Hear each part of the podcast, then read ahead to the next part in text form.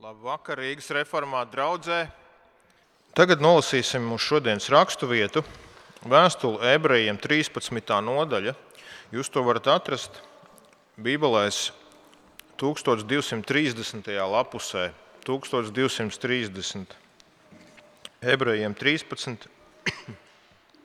13. nodaļa. Mēs lasīsim no 11. panta līdz 16 ebrejiem 13, 11 līdz 16. Augstais priesteris ieiet svētnīcā ar grēku upuru asinīm, bet upuru dzīvnieku miesas tiek sadedzināts ārpus apmetnes.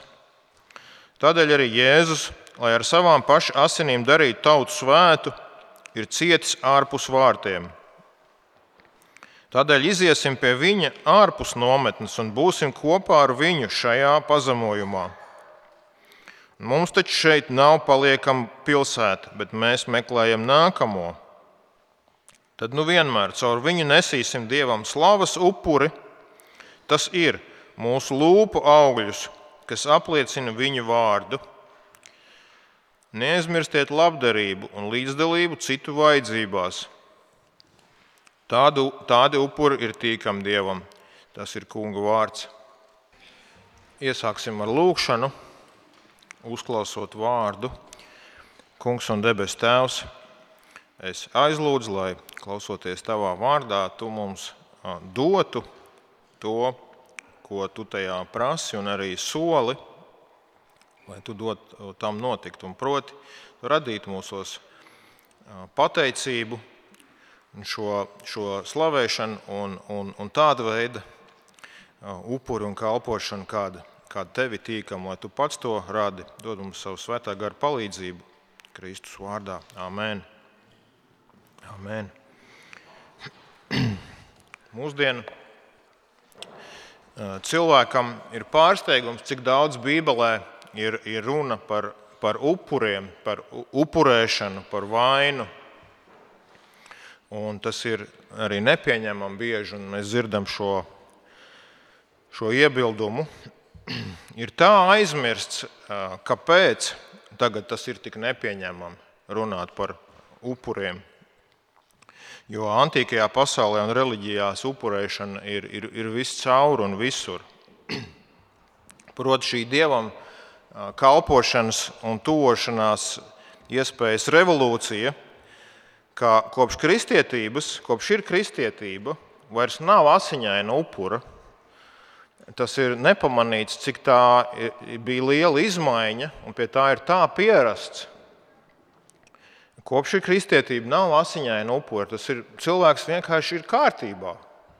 Cilvēks vienkārši ir Dieva priekšā, viss jau ir kārtībā, bet ir galīgi aizmirsts, kāpēc ir kārtībā, kāpēc var būt kārtībā.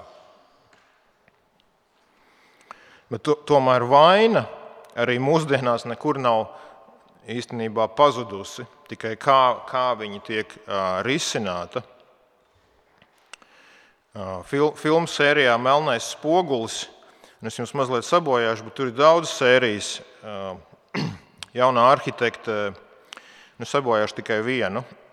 Tajā sērijā jaunā arhitekte daudzsološā būvē šo pieejamo mājokļu ciematu, tādu sociālo ģimenēm, ko, ko var, lai, lai, lai būtu labāk Bet atklājas, ka viņi kaut ko risina savā šajā fanātiskajā darbībā, šajā sociālajā misijā. Viņi kaut ko risina. Viņi jaunībā ar draugu kalnos kaut kur braucot romantiskā ceļojumā notriec riteņbraucēji. Un, un, un viņi saka, es nevaru atļauties, man ir karjera, man viss nevar atļauties nekādas policijas un cietums. Tagad viņi ieliek viņu guļammaisā un iemet, iemet kraujā. Viss ir aizmirsts, viss ir pazudis, daudz gadi pagājuši, viss ir kārtībā, ciemats to būvniecību. Bet īstenībā viņi risina kaut ko, kas apakšā grūzd. Cilvēki risina vainu. Mums, kristiešiem, ir labi zināms, kas ir jādara ar vainu. Mums ir izpircējs Kristus, kurš uzņēmās kurš uzņēmās vainu, mums ir īsts risinājums. Viņš uzņemās mūsu vainu, noņem to nost, mums uzliek uz sevi.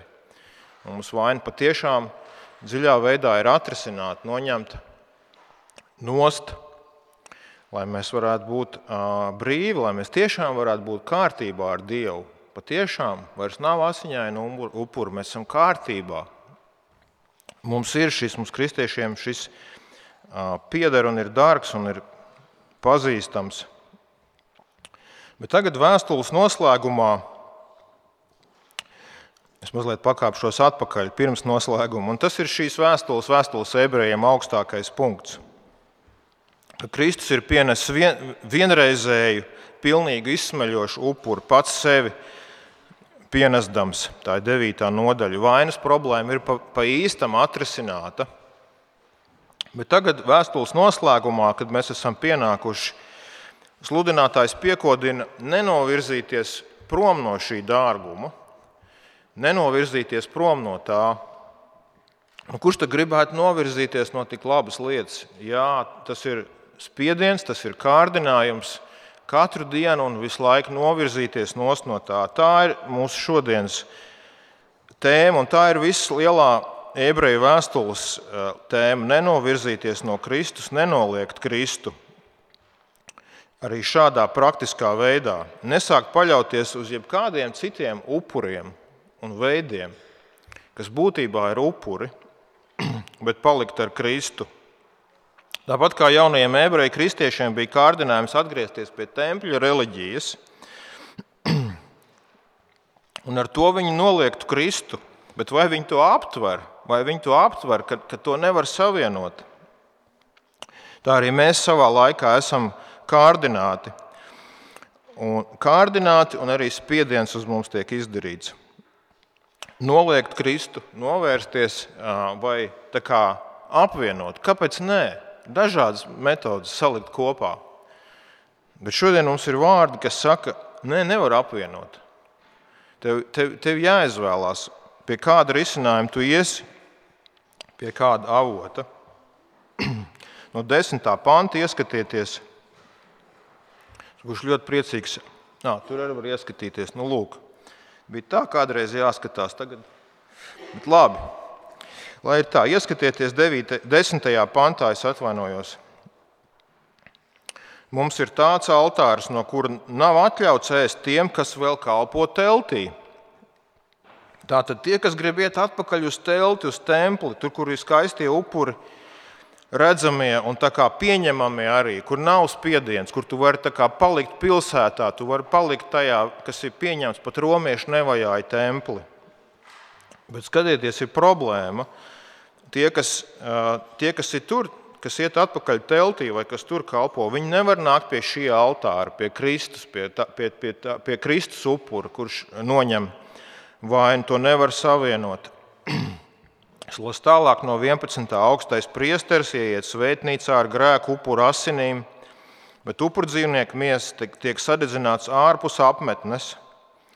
Tādēļ arī Jēzus, lai ar savām pašām asinīm darītu tautu svētu, ir ciets ārpus vārtiem. Tādēļ iziesim pie viņa ārpus nometnes un būsim kopā ar viņu šajā pazemojumā. Nevar apvienot Mums ir altārs, no kura nav atļauts ēst tiem, kas grib vēl citādākā veidā reliģiski risināt ar Dievu. To nevar apvienot. Trešajā mūža grāmatā, 16. nodaļā, kur ir šie vairāki upuri aprakstīti, templī tika nest vairāka veida upuri. Sešu, sešu veidu upuri. Bija, bija dažādi upuri jānes par to vairāk, trešo mūža grāmatu uh, lasīsim. Bet lielākā daļa upuru veidi bija tādi, ka viņas priesteri paši viņas arī paši to, tur bija dažādi garšīgi sagatavoti, un viņi tika arī beigās apēsti. Vai tur bija maizīte, vai tur bija arī šie dzīvnieki, viņi tik rūpīgi un labi izcepti, no labi gabali, un, un tad viņas arī paši apēda. Bet ir viens upuru veids, ko, ko neapēda priesteri, bet viņi tika iznest ārpus nometnes, un, un viņi bija jāizmet ārā. Tas ir izlīguma upuris, tas ir šis upuris, kas salīdzina cilvēku grēkus ar Dievu, kā, kā, tika, kā grēks tika salīdzināts. Un tā, tā, tā daļa pēc tam tiek izmesta ārā, viņa nešķīsta. Tā nešķīstība tā no cilvēka ir pārgājusi uz to upuri, un tas upuris tā nav vairs sadraudzība kā citos upuros. Viņš tiek izmests ārā ārpus nometnes. Redziet, kad atnāk Kristus, tad viņš ir tas, kurš piepilda šo upuri. Viņš paņem to nešķīstību, un tas viņam maksā to, ka viņš tiek izmests ārpus pilsētas. Mēs zinām, kur bija, kur bija tā krustā sišanas vieta. Tā ir vislielākā iespējamā nešķīstība, protams, tikt sistam krustā. Un tur Kristus tiks sists krustā, paņēma nešķīstību prom, lai mūs darītu šķīstus. Mums tās ir labās ziņas. Bet viņš tad ir ārpus pilsētas, un šeit mūsu sludinātājs saka, jūs gribat iet ar Kristu, tad ejiet projām no tās pilsētas, lai cik tur būtu līdz tam bijusi tā vieta svēta un tā upurēšana. Tagad ir Kristus, un tagad jūs ejat ar viņu. Jūs varat paturēt šo jauno tīrību un dzīvību un šo visu labumu un šķīstumu, kas, ko Kristus jums dod, bet tikai viena lieta jums ir ar viņu tagad jāiet un, un, bet, un rakstīt šajā pazemojumā. Mums ir jāasociējās ar viņu, un patiešām pasaules acīs tas ir pazemojums. Romiešu šausmas, krustā sīšana, tas ir pazemojums, šausmas labiem, labiem Zolīdiem cilvēkiem tas ir pazemojums, kristīgais, bet mēs saprotam, ka mūsu vaina bija tik liela, tā nešķīstība bija liela, to, to vajadzēja. Mums tās ir labās ziņas, ka to var noņemt no mums, bet tagad mēs esam ārpus pilsētas, un tālāk mums ir vārdi, lai mēs ne, ne, ne, ne, tādu nesagumtu un teiktu, vai mums jāiet šausmīgs ceļš. Paskatieties, 5, 15. pantiņu. Bet mums taču šeit nav paliekama pilsēta, bet mēs meklējam nākamo. Tā pilsēta, viņa tāpat ir zem pasaules tiesas. Tur nav ko zaudēt. Tas ir kā kļūt, būt kristietim un sekot Kristum ir liels zaudējums. Tu daudz ko zaudē no pasaules, bet autors atgādina, tu neko nezaudē. Šī pasaule ir zem tiesas, un to mums providenciāli norāda. Jūs taču zināt, ka templis ļoti ilgi nepastāvēja.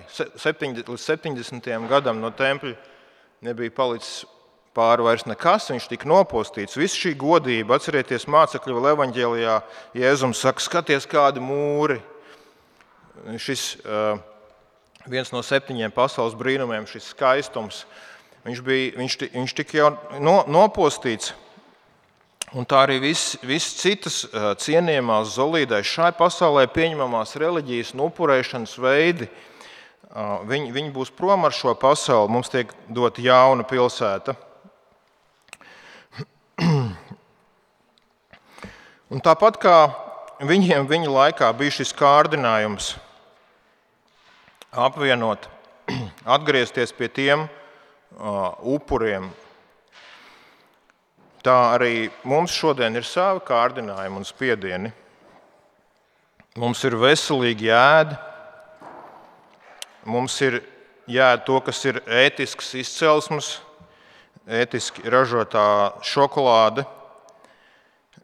Mums ir jāsaudzē planēta Mums ir jāglāb dzīvnieki. Arī no kara vietām mums ir nav slikti glābt cilvēkus, bet ir jāglāb dzīvnieki gan arī vienlīdz.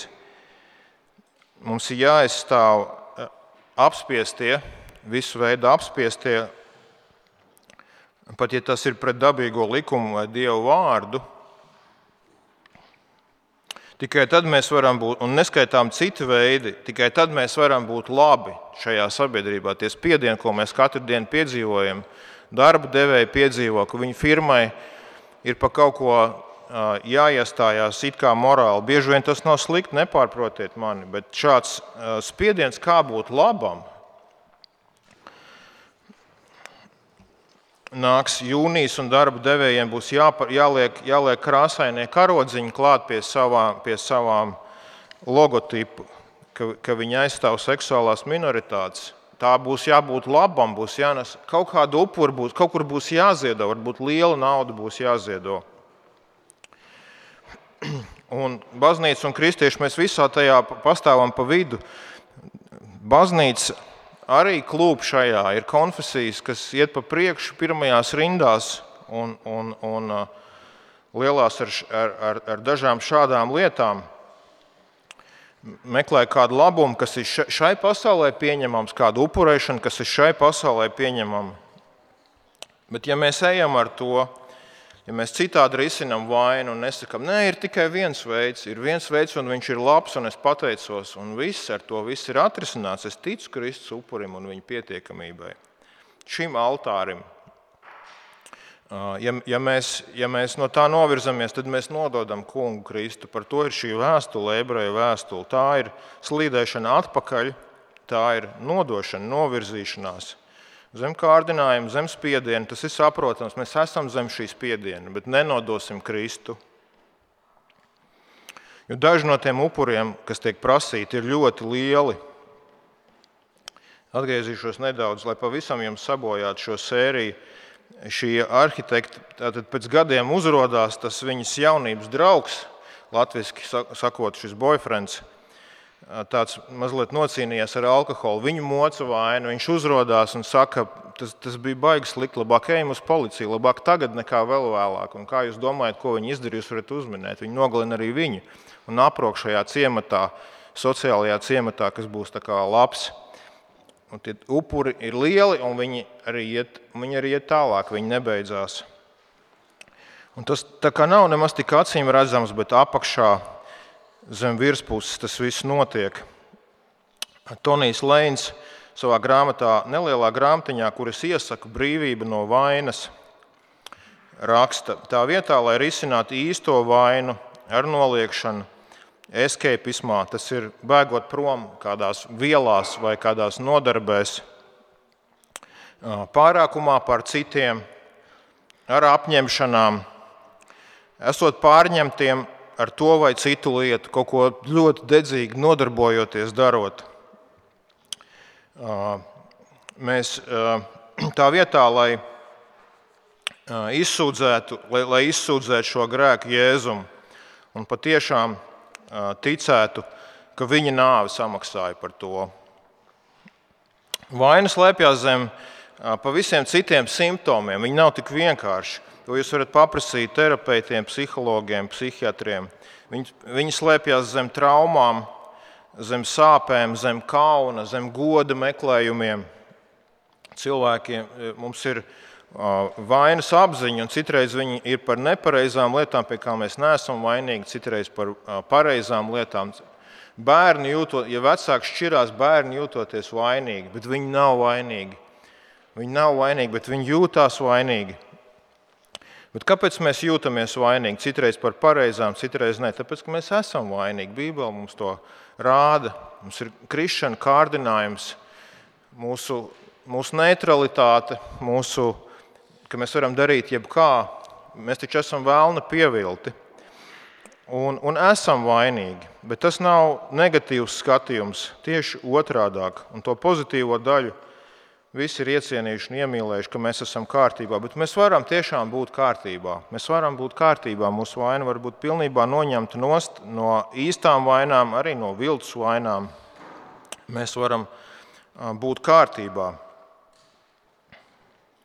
Mēs risinām, bet mēs risinām, skrienam visdažādākajos, arī citos veidos. Bet Jēzus teica, visi, kas esat noguruši un nomākti, nāciet pie manis, un es jums došu mieru. Tā viņš teica, Bet mēs iedomājamies, ka var kaut kā citādi. Viņš teica, nāciet pie manis, pie manis nāciet.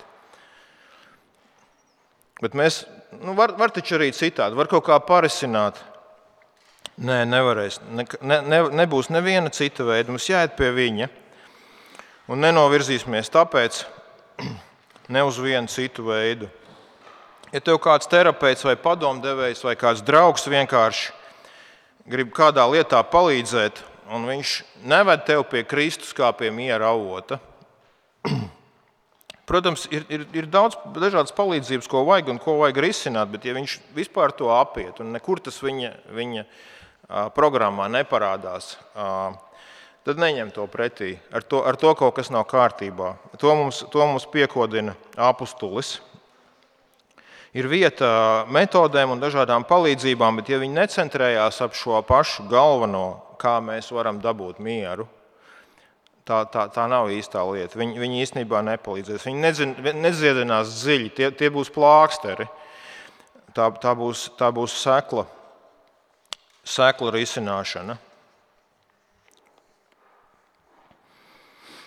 Un kur tas spiediens mums novirzīties ir, ir ka tas mums prasa iziet ārpus pilsētas, iziet ārpus pieņemamā, un, un, un darīsim to. Tas, tas ir to vērts. Tā ir mūsu iespēja apliecināt Kristu. Mūsu, mūsu līdzcilvēkiem arī vajag šo risinājumu. Viņiem arī vajag šo dziļo risinājumu, atbrīvošanu no vainas. Viņiem arī vajag zināt par tādu vienreiz par visām reizēm nestu brīnišķīgu upuri, kur var gūt īstu mieru un kur var iegūt nākamo pilsētu. Tāpēc uh, nenovirzīsimies un sekosim un iesim ārpus pilsētas. Būsim tādi tā kā. Um, ne, ne, nepie, nepieņemamie līdz galam. Būsim jautājumu zīme, lai norādītu uz šo, uz šo avotu un būsim uzticīgi viņam.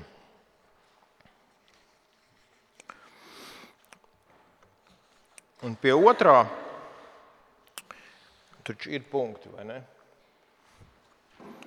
Vēlāk punktus uzliks. Mans otrais punkts ir, pirmais bija vienīgā, vienīgā pieņemamā upurēšana, un otrais ir vienīgā pieņemamā kalpošana. Tā tad ir tikai viens pieņemams upuris, un ja mēs paskatāmies pat uz vēsturi, viņš ir, ne, viņš ir nesalīdzināms. Un tad mēs ejam pie vienīgās pieņemamās kalpošanas. Ja jau nav vairs šādā nozīmē altāra, Ja nav kulta vietas, kur ir kristietībai kulta vietas? Jūs prasat, jūdaismam ir Jeruzalem, pareizi. Kur ir kristietībai kulta vieta? Kāds teiks, varbūt Roma, Vatikāns, bet nē, taču pareizi. Pat, pat, pat katoļi, kuriem, Romas katoļi, kuriem ir Roma un Vatikāns, teiks, nē, bet baznīca ir visās vietās. Pareizi, tas to nozīmē vārds kato, katolisks, katolisks vispārējais visās vietās. Tāpēc, tāpēc, ka viņas, tāpēc, ka viņas nav vairs uz šīs zemes, tāpēc, kad ir Kristus, Un tāpēc būsim nedaudz uzmanīgi ar baznīcām, kurām ir fizisks altāris. Ja tur ir pareiza mācība, tad vēl tā, bet reformācijā mainījās arhitektūra. Teoloģija var arī no arhitektūras un no, no kultūras vēstures mācīties. Arhitektūra mainījās. Nebija vairs altāri, bet bija kas bija kanceles.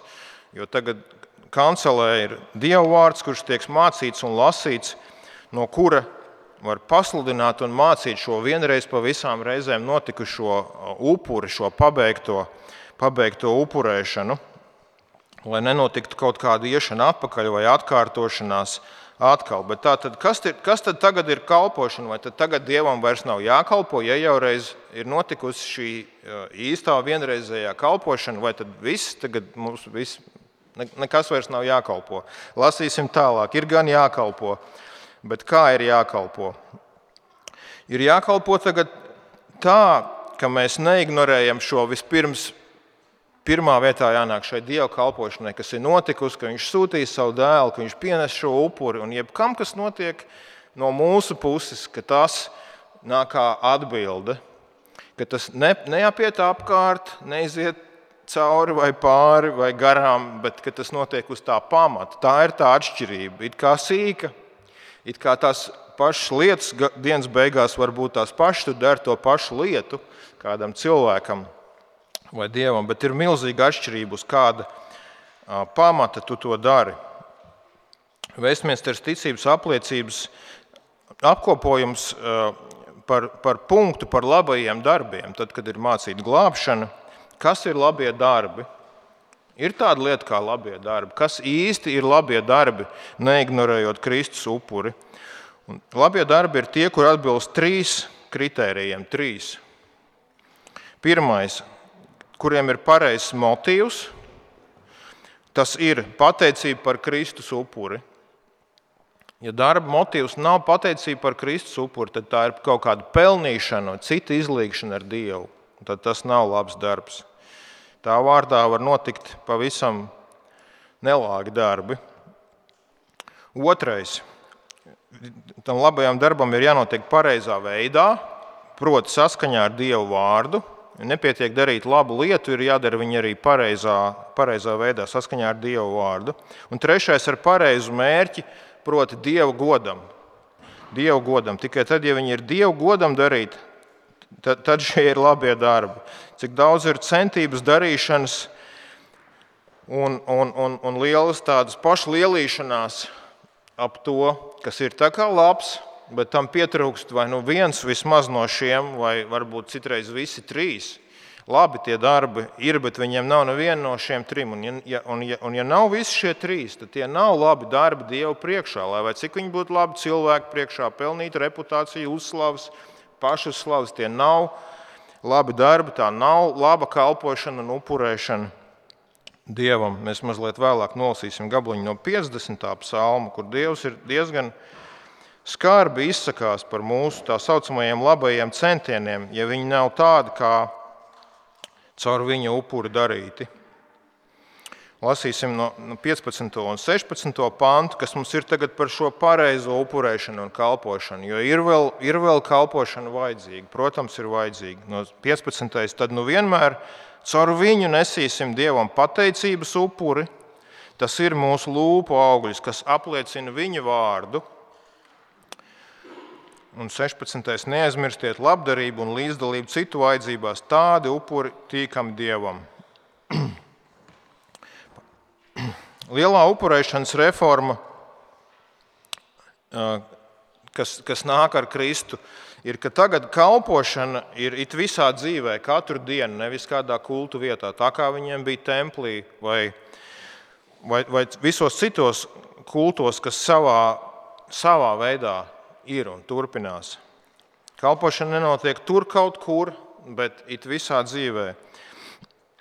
Varētu teikt, ka viņa horizontalizējās, tāpēc, ka vertikālais ir dieva risināts, bet nu, mēs neaizmirstam vertikālo. Tāpēc, skatieties, pirmais joprojām ir slavēt kungu, pienest, apliecināt viņa vārdu, nest lūpu augļus.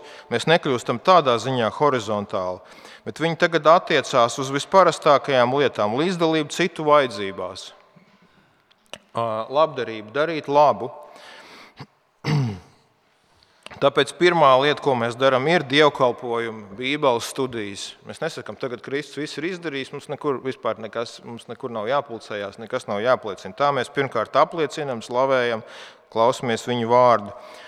Un pat skolās Jo, kad Kristus ir, darbs ir pabeigts, tad viņš ir jāmāca un jāsludina. Tāpēc es pieminēju kanceli, nevis altārs. Tagad mm. Kalpošana, tagad nav svētceļojuma, klosteru, mūku solījumu. Vajadzīgais upuris ir nests jau. Tagad ir jāslavē tā devējs un jāpilda viņa griba praktiski, bet par, par, par godu viņam. Un šeit pie tiem senajiem, ko reformācijā reformātori pasludinājis Dievu vārdu pamatu, ka viņi reformēja klosterus un svētceļojumus, lai nebūtu šī pašpelnīšana un pašlielīšanās. Pieliksim šeit klāt arī modernos pelnī, pelnīšanās veidus. Un es gribu dažus piemērus piedāvāt. Es pārliecināts, ka jums daudz aktuālāks pašiem domas radās klausoties šo. Un mums ir Vai kā es priecājos par palīdzību Ukraiņai, kas ir, bet tas ir pārvērsts kaut kur par tādu. Tad, kad cilvēki lielās ar to, es saprotu, ka ir vajadzīgas kampaņas un tas ir vajadzīgs. Un, bet tas, tas, tas vēl, lai paliek katram pašam apspriest, es esmu par maksimālu palīdzību Ukraiņai, nepārprotiet mani, bet pēc šiem pantiem, kas būtu svarīgi, lai kungu vārds būtu, būtu slavēts Un, proti, lai mēs palīdzētu visvairāk ar, ar evaņģēlīju, ja mēs palīdzam. Tāpēc es gribu pieminēt uh, Geriju un Inetu, kas ir ciemos šodien pie mums. Viņi nākošais nedēļa brauks uz Ukrajinu. Viņiem padomā ir vairāki projekti, kas palīdz visādos veidos, bet es esmu pārliecināts, ka, ka, viņi, ka viņi nesīs kungu vārdam godu, jo tas tiks apliecināts Kristus vārds. Pat ja tā būs pat pavisam praktiska palīdzība, viņa notiks caur draugu, kur arī varēs liecināt par Kristu, un viņa vārds tiks pasludināts. Un, un, un tas ir kā, tas ir, un pieiet pie viņiem, paprastiet, kā tur var piedalīties. Es to, es to iesaku, un tā mums vajag domāt. Un tad, kad mēs darām tādas lietas, ja tas nav kāda cita iemesla pēc vajadzīgs, mums nav obligāti ar to jālielās, kaut kur jā, jāpastāst kādam tas. Ja mēs to tiešām darām Dievam un viņa dēļ. Pavisam citādāks piemērs. Jaunieši, dažus no jums es redzu, nezinu, vai ir kāds tajā vecumā, kad jums ir jauniešu pasākumi, un uz viņiem var iet dažādi, ar dažādu motivāciju. Un es dzirdu, protams, nu, jaunieši ir jaunieši, pusauģi ir pusauģi, bet es dzirdu šo, šo vārdu. Vai tur būs interesanti, latviešu sakot, ar B burtu vai ne? Vai tur būs interesanti vai nē, bet mēģiniet domāt pavisam citādi. Mēģiniet domāt no šīs, no šīs raksturvietas viedokļa. Vai tu vari, vari, vai tu, tu, tu vari apliecināt kungu vārdu? Ja tev citi jaunieši prasa, ko tu dari piekdienas vakarā, es eju uz tāku, kas tas ir? Tur ir interesanti vai tur ir garlaicīgi. Pagriez pavisam citās kategorijās. Ja tu tur ej kunga dēļ, proti, ko viņš ir izdarījis. Un tie, tie, tie, kas to nezina, viņi brīnīsies, kur tu ej, kāpēc, kā var būt tāda motivācija. Dievs ir darījis Kristu kaut ko brīnišķīgu, man tas kaut ko nozīmē. Un otrs ir no šīs raksturvietas citu vajadzības. Kur tad tu uzzināsi citu vajadzības?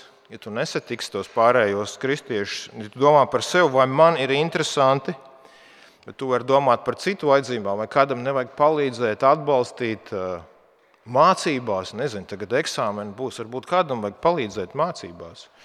Vai kādā pavisam praktiskās lietās, bet ar Kristus motivāciju, lai slavētu viņu vārdu. Es domāju, šis piemērs attiecās uz mums lielajiem, uz, uz iešanu uz draugu arī. Mēs varam noskatīties, bet mēs varam arī atnākt klātienē, vairāk uzzināt, kalpot citu vajadzībām. Un tas ir pavisam citādāk. Un mēs nonākam atpakaļ šajā kalpošanas sfērā, un, un varbūt tu prasi, no nu, kāda ir starpība. Tu vari uzreiz teikt, ir jākalpo, ir jādara praktiskās lietas, vajadzības. Es gribēju pieminēt pie šīm kalpot vistuvākiem. Es gribēju pieminēt mātes, māmiņas, kas kalpo. Viņas kalpo bērniem katru dienu, visu laiku. Kur ņemt spēku, kur ņemt motivāciju, kur ņemt šo pateicīgo, pateicīgo sirdi. Un tāpēc arī pārējā draudzene, šis ir viens no vajadzībām. Atbalstīsim tās ģimenes, kam tas ir īsts laiks, kad īstenībā tie bērni ir. Es esmu ļoti pateicīgs tiem, kas palīdzēja mums, ka mums bērni bija maziņi. Kalpot citu vajadzībās. Tik tieši un vienkārši tas ir. Bet, ja mēs atkal nonākam vienkārši atpakaļ pie tā, ka tas pats jau vien jādara, ir priekš kam tad vispār bija tas pirmais punkts. Un ievērojiet eh, šo vārdiņu, kas iztaisa visu to atšķirību. Vārdiņu pateicība.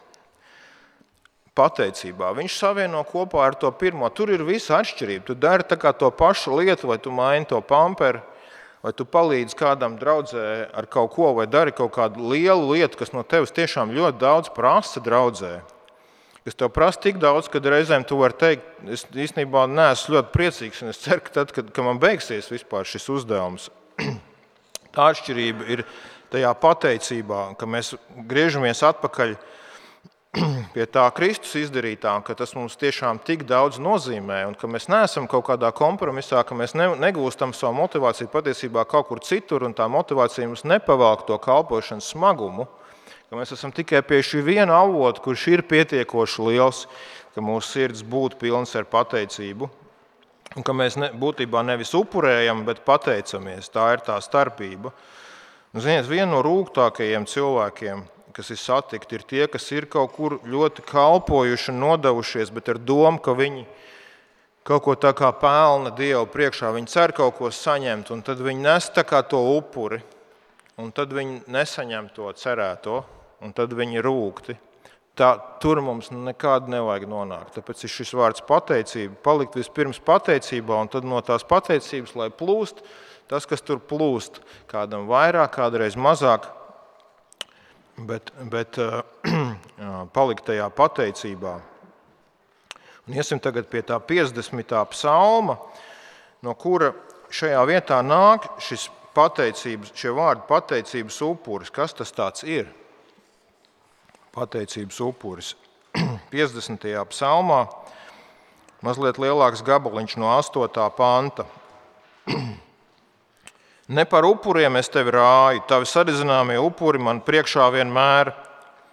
Man nevajag vērsi no tava nama, ne zāžus no taviem aplokiem, jo man pieder visi meža zvēri un lopi, kas tūkstoši kalnos. Es zinu visus kalnu putnus, un visi lauku kustoņi ir mani. Tālāk no 14 upurē dievam pateicību, maksā visaugstākajam, ko solījis, un tad piesauc mani posta dienā. Es tevi glābšu, tu godāsi mani. Es tevi glābšu, un tu godāsi mani. Bet ļaundarim Dievs saka, kā uzdrīksties manas likumus piesaukt un man derību pieminēt, tu, kas ienīsti pārmācību un laidi manus vārdus gar ausīm. Tu ieraugi zagli un viņš tev tīk. Ar laulības pārkāpējiem tu esi kopā. Muti tu palaidi uz ļaunu, un tavu mēli pini melus. Tu sēdi un baumo par savu brāli, savus mātes dēlam, tu neslavu cel. Tā tu dari, un es lai klusēju. Tev šķiet, ka es esmu kā tu, es rāšu tevi un tiesāšos pret tevi. Ņemiet to vērā, Dievu aizmirsušie, ka jūs nesaplosu, glābēji nebūs. Kas upurē pateicību, tas mani godā. Kas nosprauž ceļu, tam parādīšu, ka Dievs glābj. Kas, up, kas upurē pateicību, tas man godā. Tā reforma, tā ikdienas dzīve, kurai jābūt citādāk, viņa ļoti liela. Viņa nav maza. No tā arī nāk reformāt nosaukums. Jāreformē visa dzīve. Redziet, cik daudz jāreformē, un tas ir kā, kā, kā, tā, tā, kā to reformu var veikt vispār dzīvē, ja tādas ir Dieva prasības. Un tam nebija pat piepildījumu līdz Kristum īsti. Tāpēc, tāpēc viņš saka, nesiet pateicības upuri un šajos ebreju vēstules vārdos nesīsim, nesīsim šo pateicības upuri. Par ko tas ir? Par to, ko, par to, ko Kristus ir izdarījis, par viņa šo debesu altāri, par šo viņa pilnīgo upuri. Būsim pateicībā, tur mums var pārveidoties sirds un tas, kas mums ir jādara, ka mēs to nedarītu ar rūkumu. Viens no labākajiem ieteikumiem, ko es esmu saņēmis un lietojis, un ko es jums arī iesaku šajā sakarā, es viņu izlasīju Džima Pakera grāmatā Pazīt Dievu, kas mums latviešu arī ir, ir izdota. Un viņš iesaka pirmo, pirmo nomodu stundu domāt par Dievu.